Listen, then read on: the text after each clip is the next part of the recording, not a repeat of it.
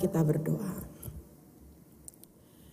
Tuhan, pujian ini adalah kerinduan setiap kami bahwa kami rindu dapat hidup bagi Kristus.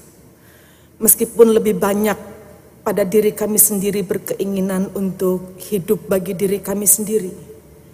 Hidup seperti apa yang kami mau. Tetapi sesungguhnya setiap kali firman Tuhan mengatakan kepada kami bahwa sesungguhnya engkau menginginkan kami hidup bagimu. Maka itu menjadi sebuah komitmen yang terus menerus seharusnya ada di dalam diri kami.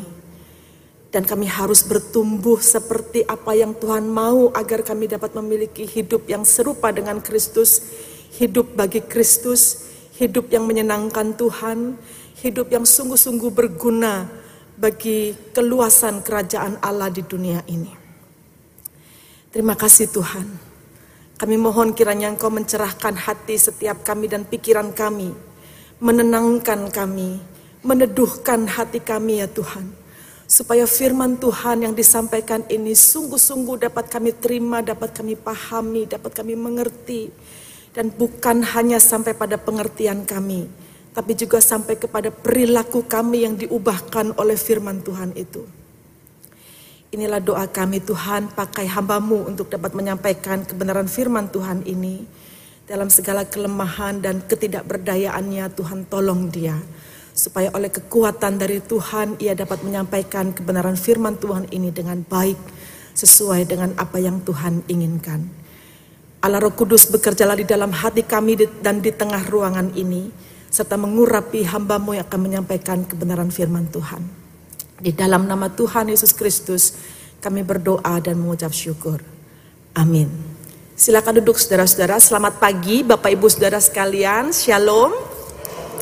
Puji Tuhan, saudara senang sekali bisa bersama dengan saudara. Saya pikir saya hari ini tidak bisa datang karena kondisi saya tidak baik sekali.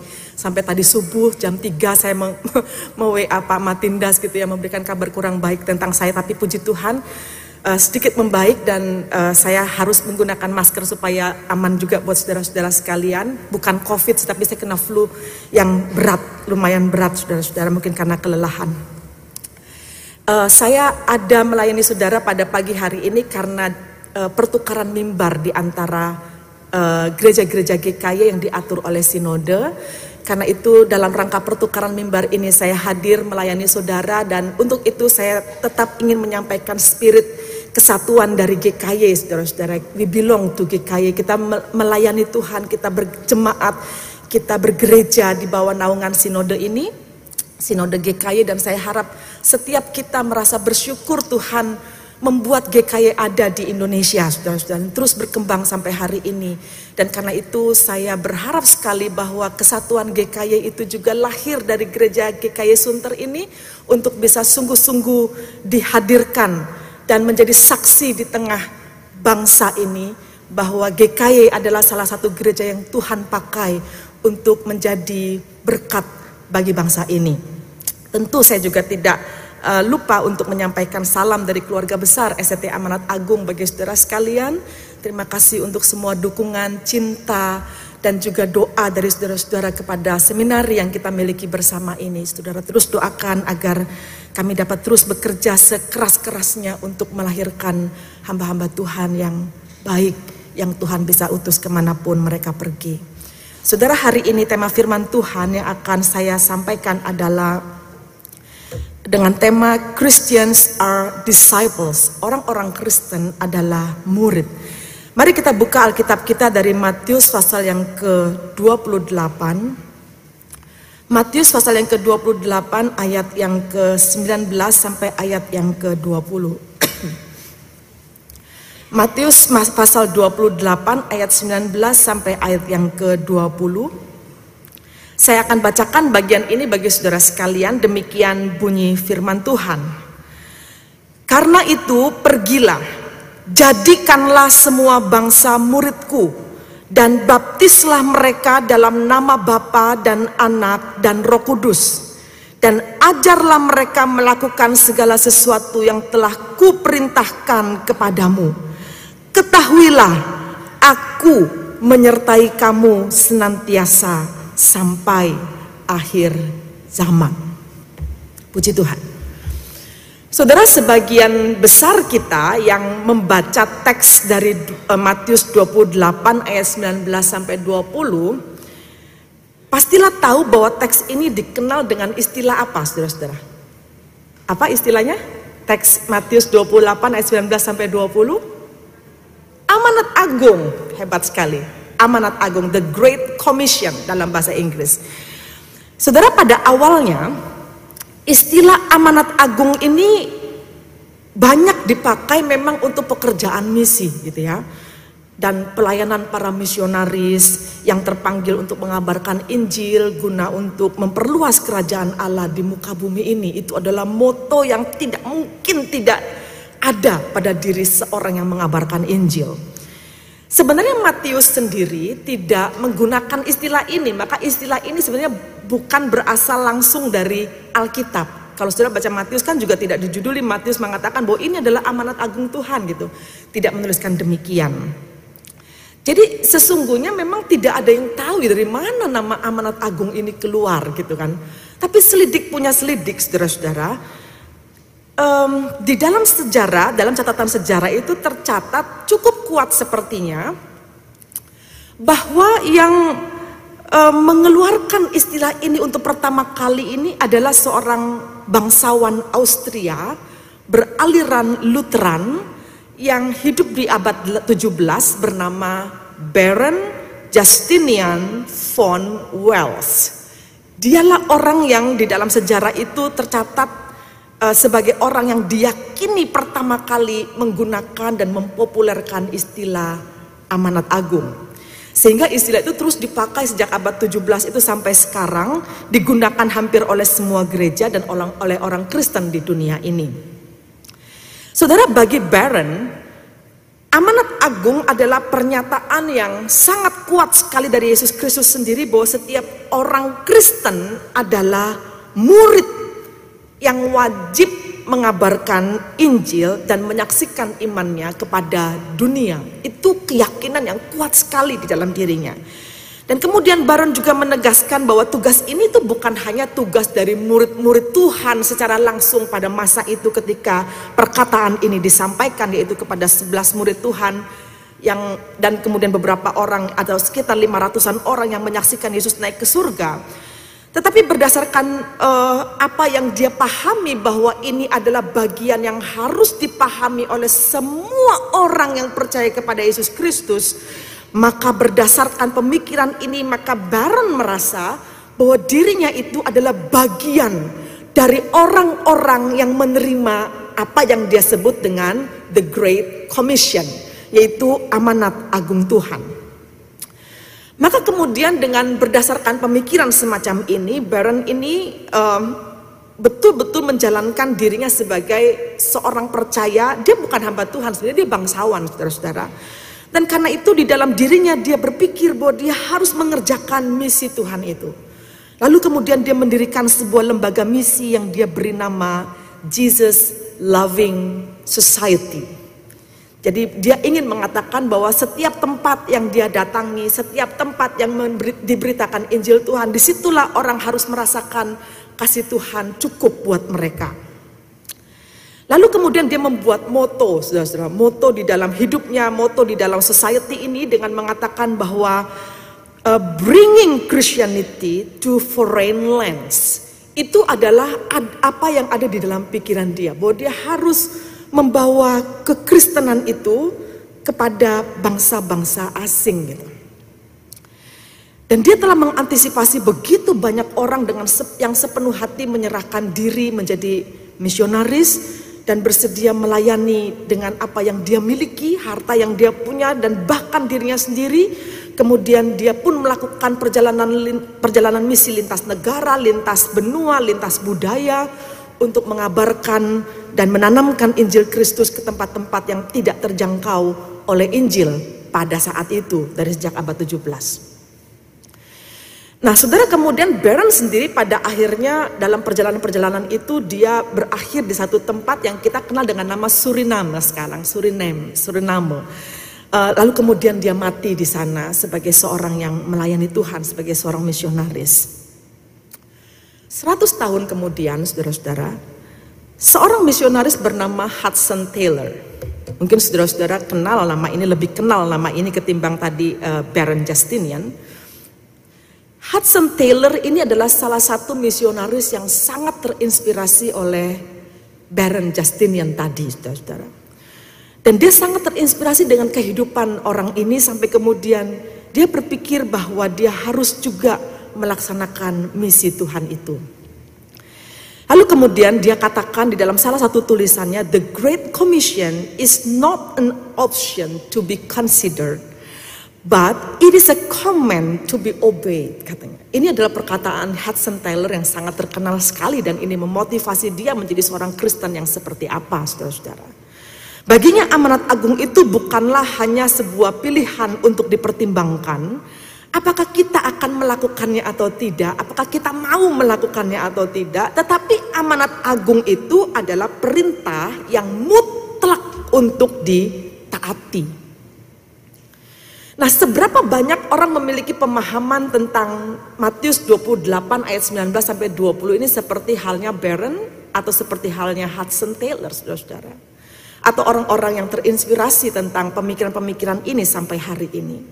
Karena kebanyakan kebanyakan kita sebagai orang Kristen ini menjalankan kehidupan Kristen ini benar-benar hanya average atau ya rata-rata lah gitu ya. Yang penting kebaktian tiap minggu gitu, yang penting bisa doa. Yang penting itu gitu. Tapi kita untuk melakukan lebih dari itu rasanya enggan gitu atau bahkan kita rasa tidak tidaklah kalau sampai ke sana gitu. Cukuplah sampai di sini gitu pemahaman kita tentang kekristenan itu. Nah, saudara melalui teks amanat agung yang di mana kita akan belajar ini bahwa sesungguhnya kalau kita perhatikan dengan baik, teks ini memberikan dua elemen penting, gitu.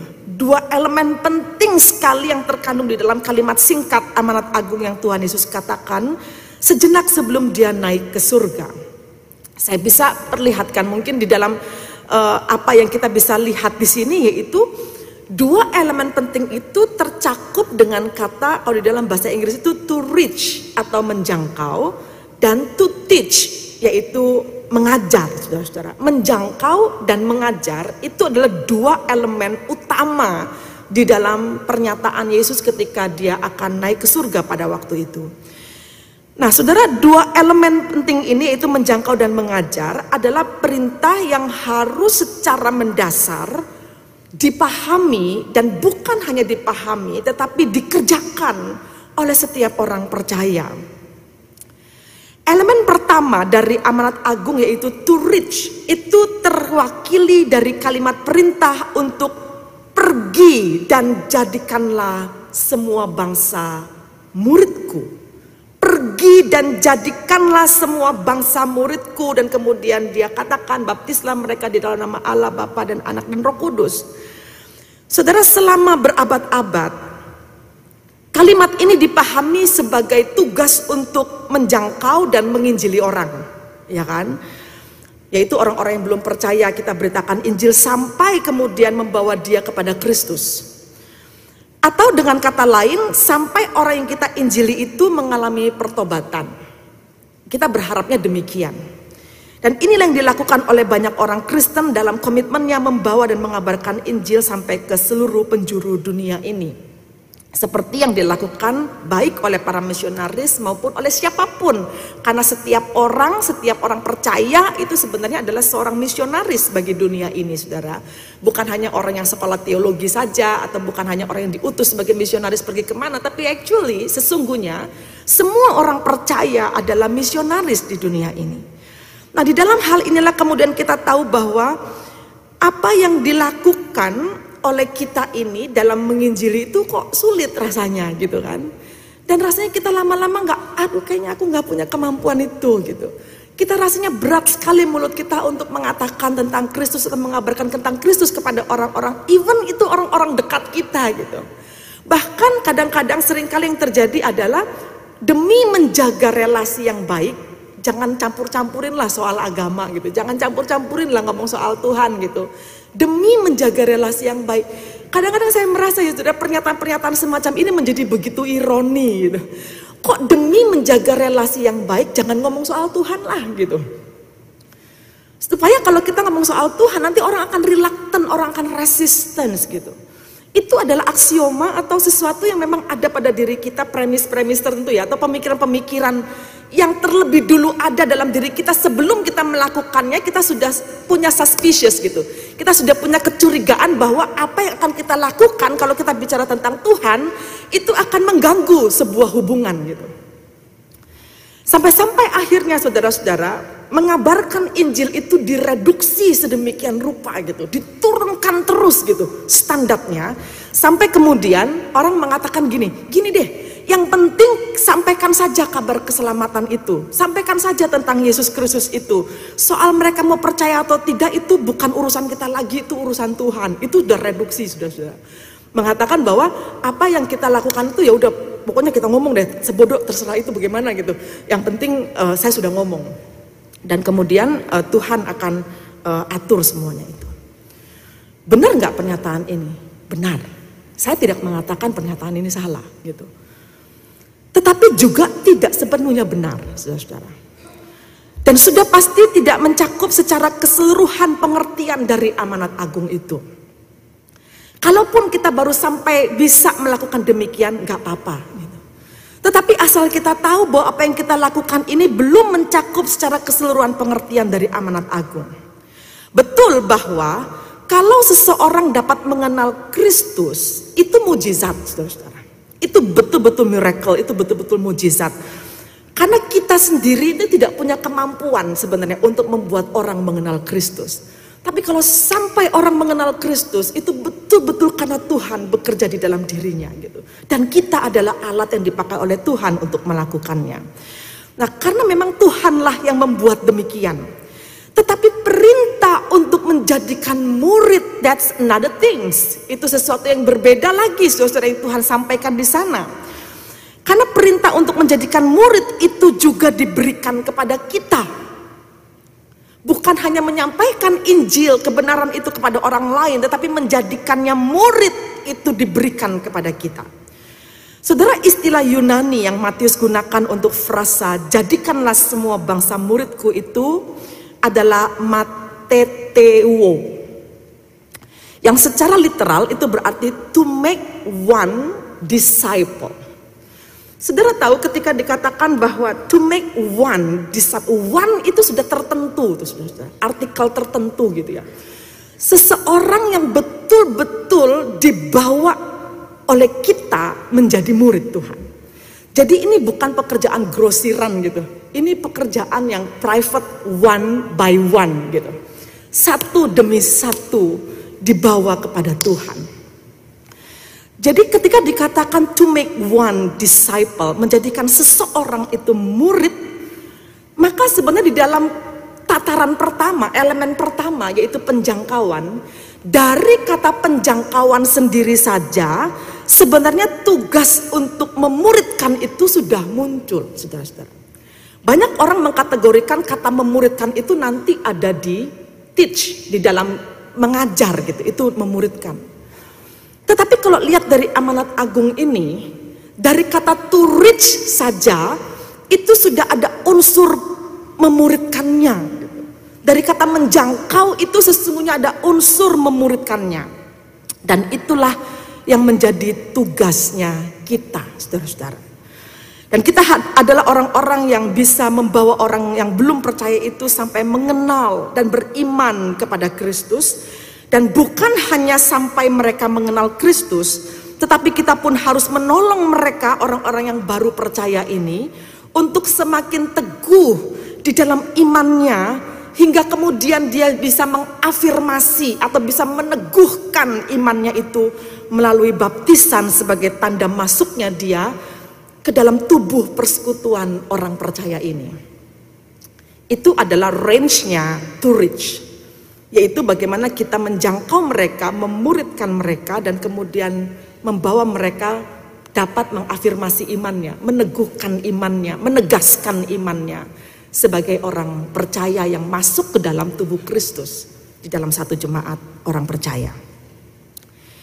Nah, kalaupun kita bisa sampai membawa seseorang sampai pada tahap ini, saudara-saudara, ternyata ini baru elemen yang pertama, gitu.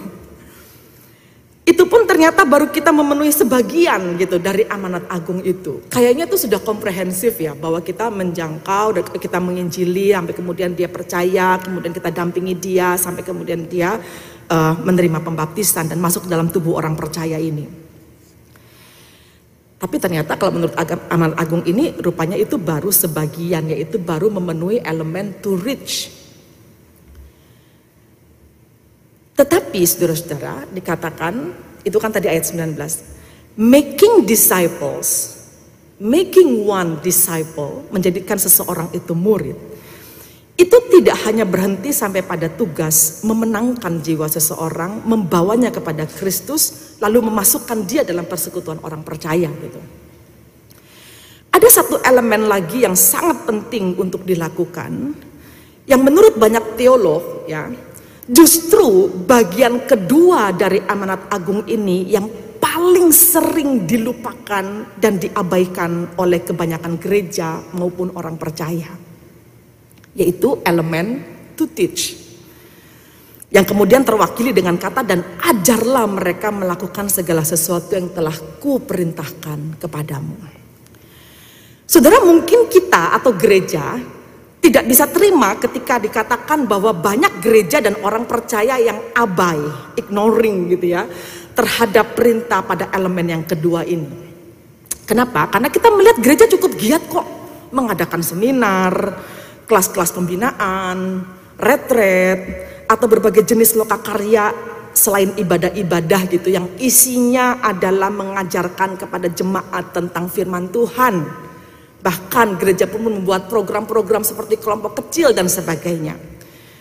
Saudara, mungkin dari sisi jemaat, pernyataan bahwa kebanyakan gereja dan orang percaya abai pada elemen kedua itu juga kita tidak bisa terima, karena kita pikir kita juga kan uh, mengatakan bahwa kita ini adalah orang seorang jemaat yang tergolong rajin gitu, tergolong rajin mengikuti berbagai kelas-kelas pembinaan, kelas-kelas seminar, rajin ikut retret gitu kan, rajin kelompok kecil bahkan gitu.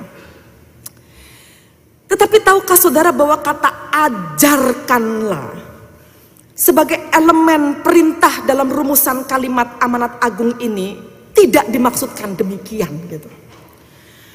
Mengajar yang dimaksudkan di sini bukan sekedar menyampaikan sebuah konten ajaran, terkait dengan doktrin-doktrin Kristen atau keadaan di mana jemaat ikut dengan rajin program-program belajar atau program-program pembinaan jemaat lalu selesai. Kata ini dipilih oleh Matius secara spesifik dengan menuliskan dengan istilah Yunani didas kontes di dalam bahasa Yunani. Dari kata ajarkanlah ini Sesungguhnya yang dimaksudkan oleh Matius itu adalah merujuk pada diri Yesus Kristus sendiri sebagai seorang pengajar. Di mana setiap kali dia mengajar, ajaran itu memiliki kuasa yang mengubahkan orang. Di mana setiap kali dia mengajar, ajarannya itu memiliki kuasa yang menyembuhkan orang. Di mana setiap kali dia mengajar, ada satu hal yang terjadi di dalam proses dia mengajar itu, saudara-saudara. Nah, hal inilah yang jadi pemikiran uh, uh, pilihan kata dari Matius yang berulang kali sebenarnya. Matius menuliskan kata di das kontes. Jadi Matius ini ketika menuliskan istilah ajarkanlah itu purposely itu sungguh-sungguh merupakan rangkuman dari kehidupan Kristus yang kemudian dia tuliskan dan diwakili dengan satu kata di das kontes. Ajarkanlah. Maka kalau saudara perhatikan, ada beberapa teks Alkitab yang saya tuliskan di slide itu Matius 4 ayat 23, 5 ayat 2 dan seterusnya.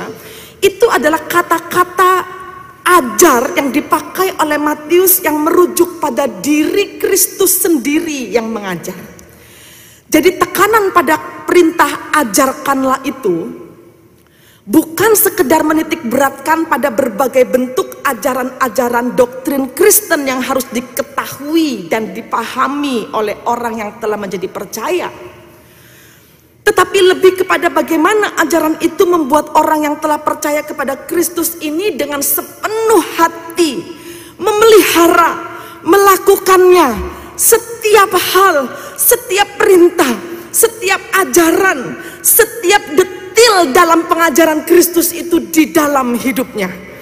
Sehingga apa yang dia perintahkan itu, yang Tuhan perintahkan itu dan dia terima dan dia lakukan dan itulah yang mengubahkan dia, mentransformasi hidupnya. Saudara ada banyak orang Kristen sudah puluhan tahun ikut Tuhan. 10, 20, 30 tahun tapi hidupnya nggak berubah sama sekali gitu. Betul-betul hidupnya terus-menerus menjadi batu sandungan bagi orang lain. Menyimpan kebencian dan kepahitan yang tidak pernah bisa dia selesaikan. Menyimpan hal-hal di dalam hati yang betul-betul membuat dirinya semakin rusak. Membenci orang sampai tidak ada ujungnya gitu. Itu artinya ada yang tidak berubah dalam dirinya.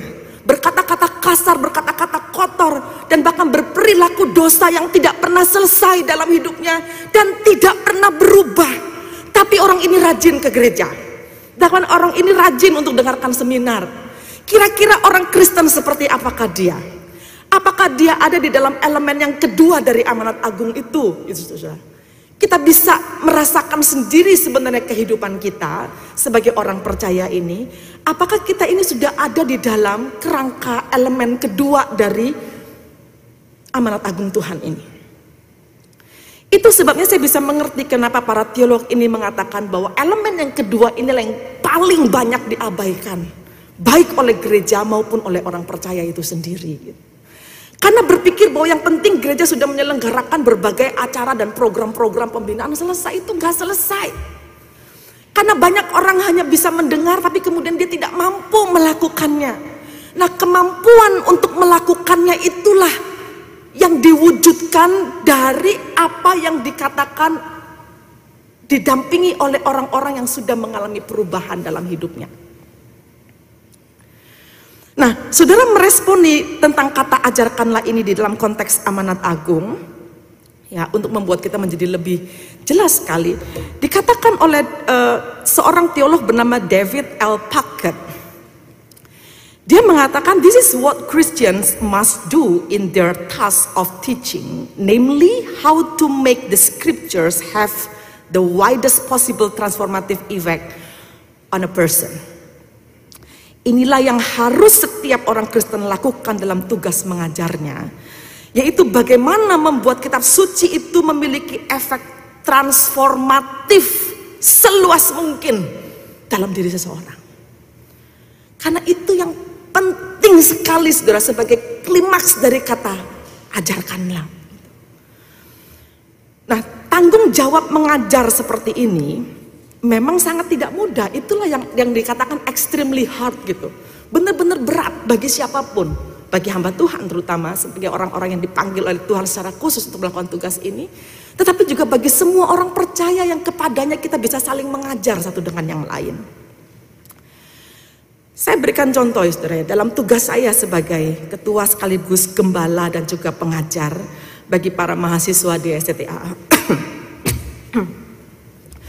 Berulang kali saya mengatakan kepada mahasiswa bahwa tugas yang sangat berat bagi para dosen dalam mengajar kalian ini bukan dalam hal mempersiapkan materi ajar dan kemudian mengajarkannya di kelas.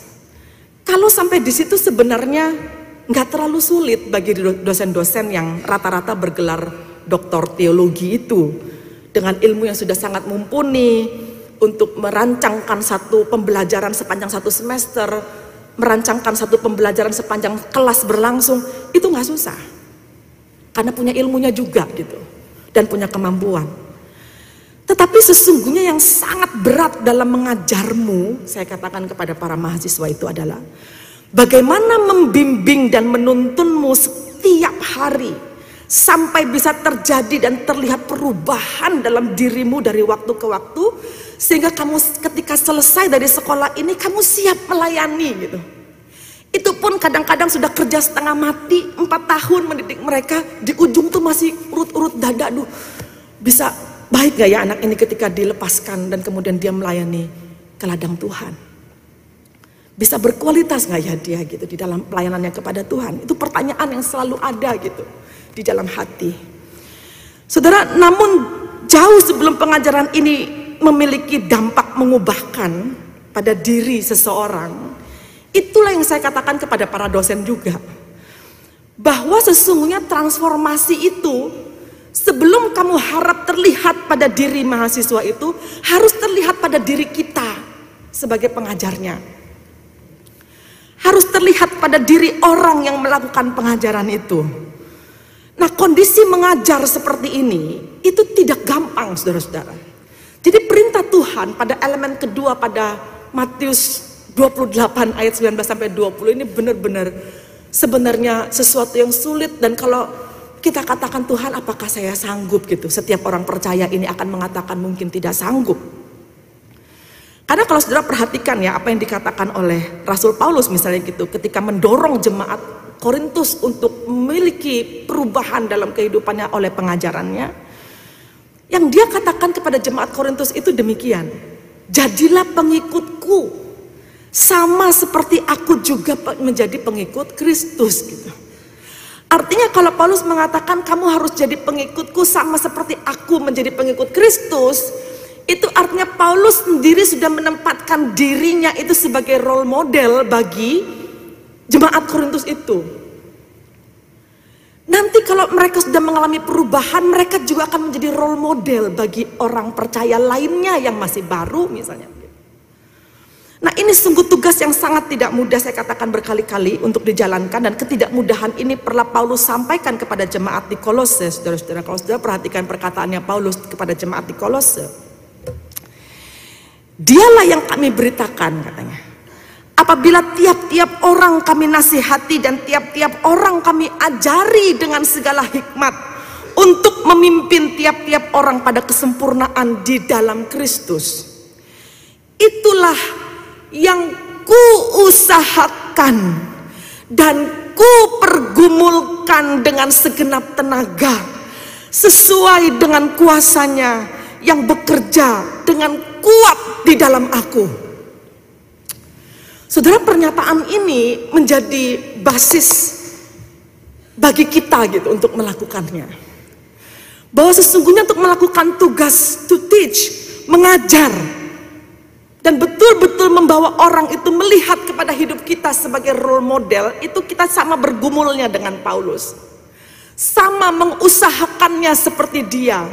Diusahakan, dipergumulkan dengan segenap tenaga, saudara-saudara. Dan Paulus tahu dia bukan orang yang sangat sempurna ketika dia mengatakan ikuti teladanku. Dia bukan orang yang sempurna.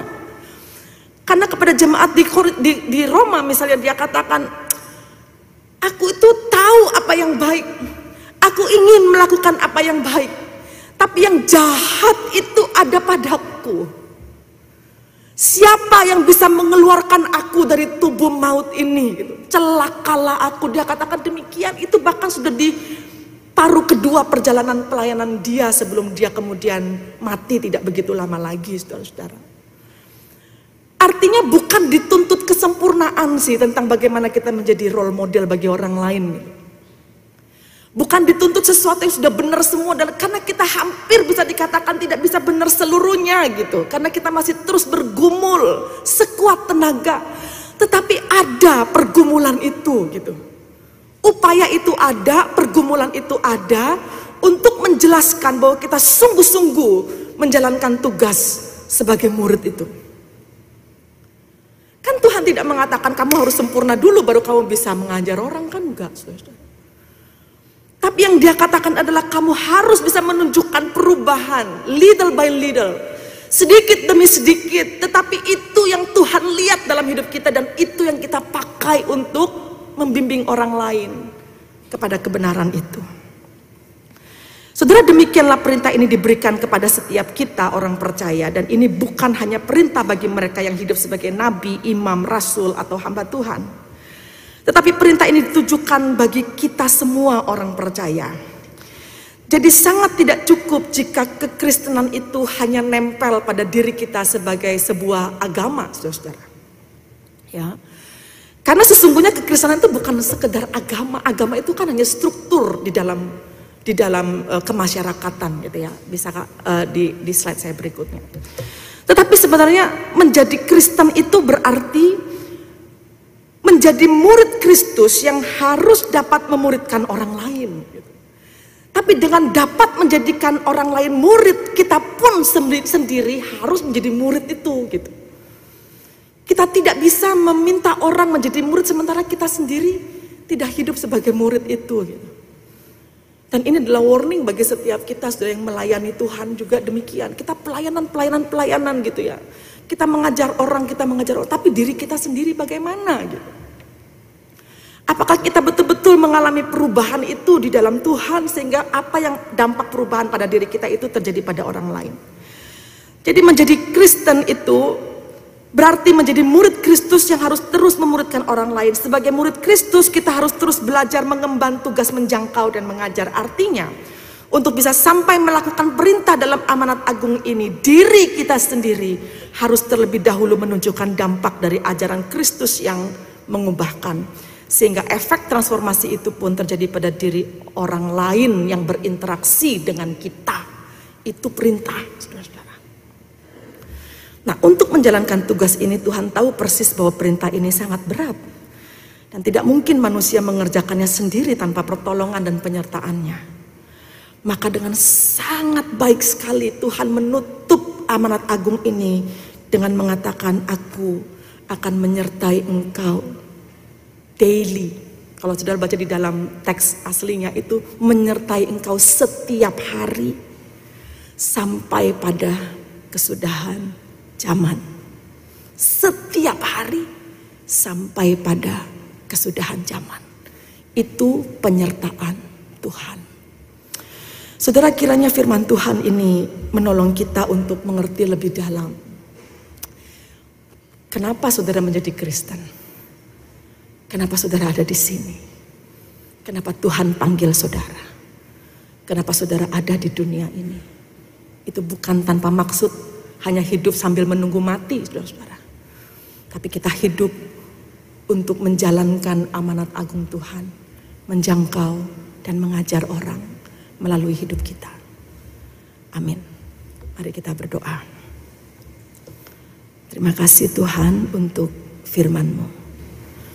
Firman ini begitu luar biasa mengajar kami untuk hidup maka kami dapat mengatakan bahwa firman-Mu ini adalah pandu bagi hidup kami dan terang bagi jalan kami.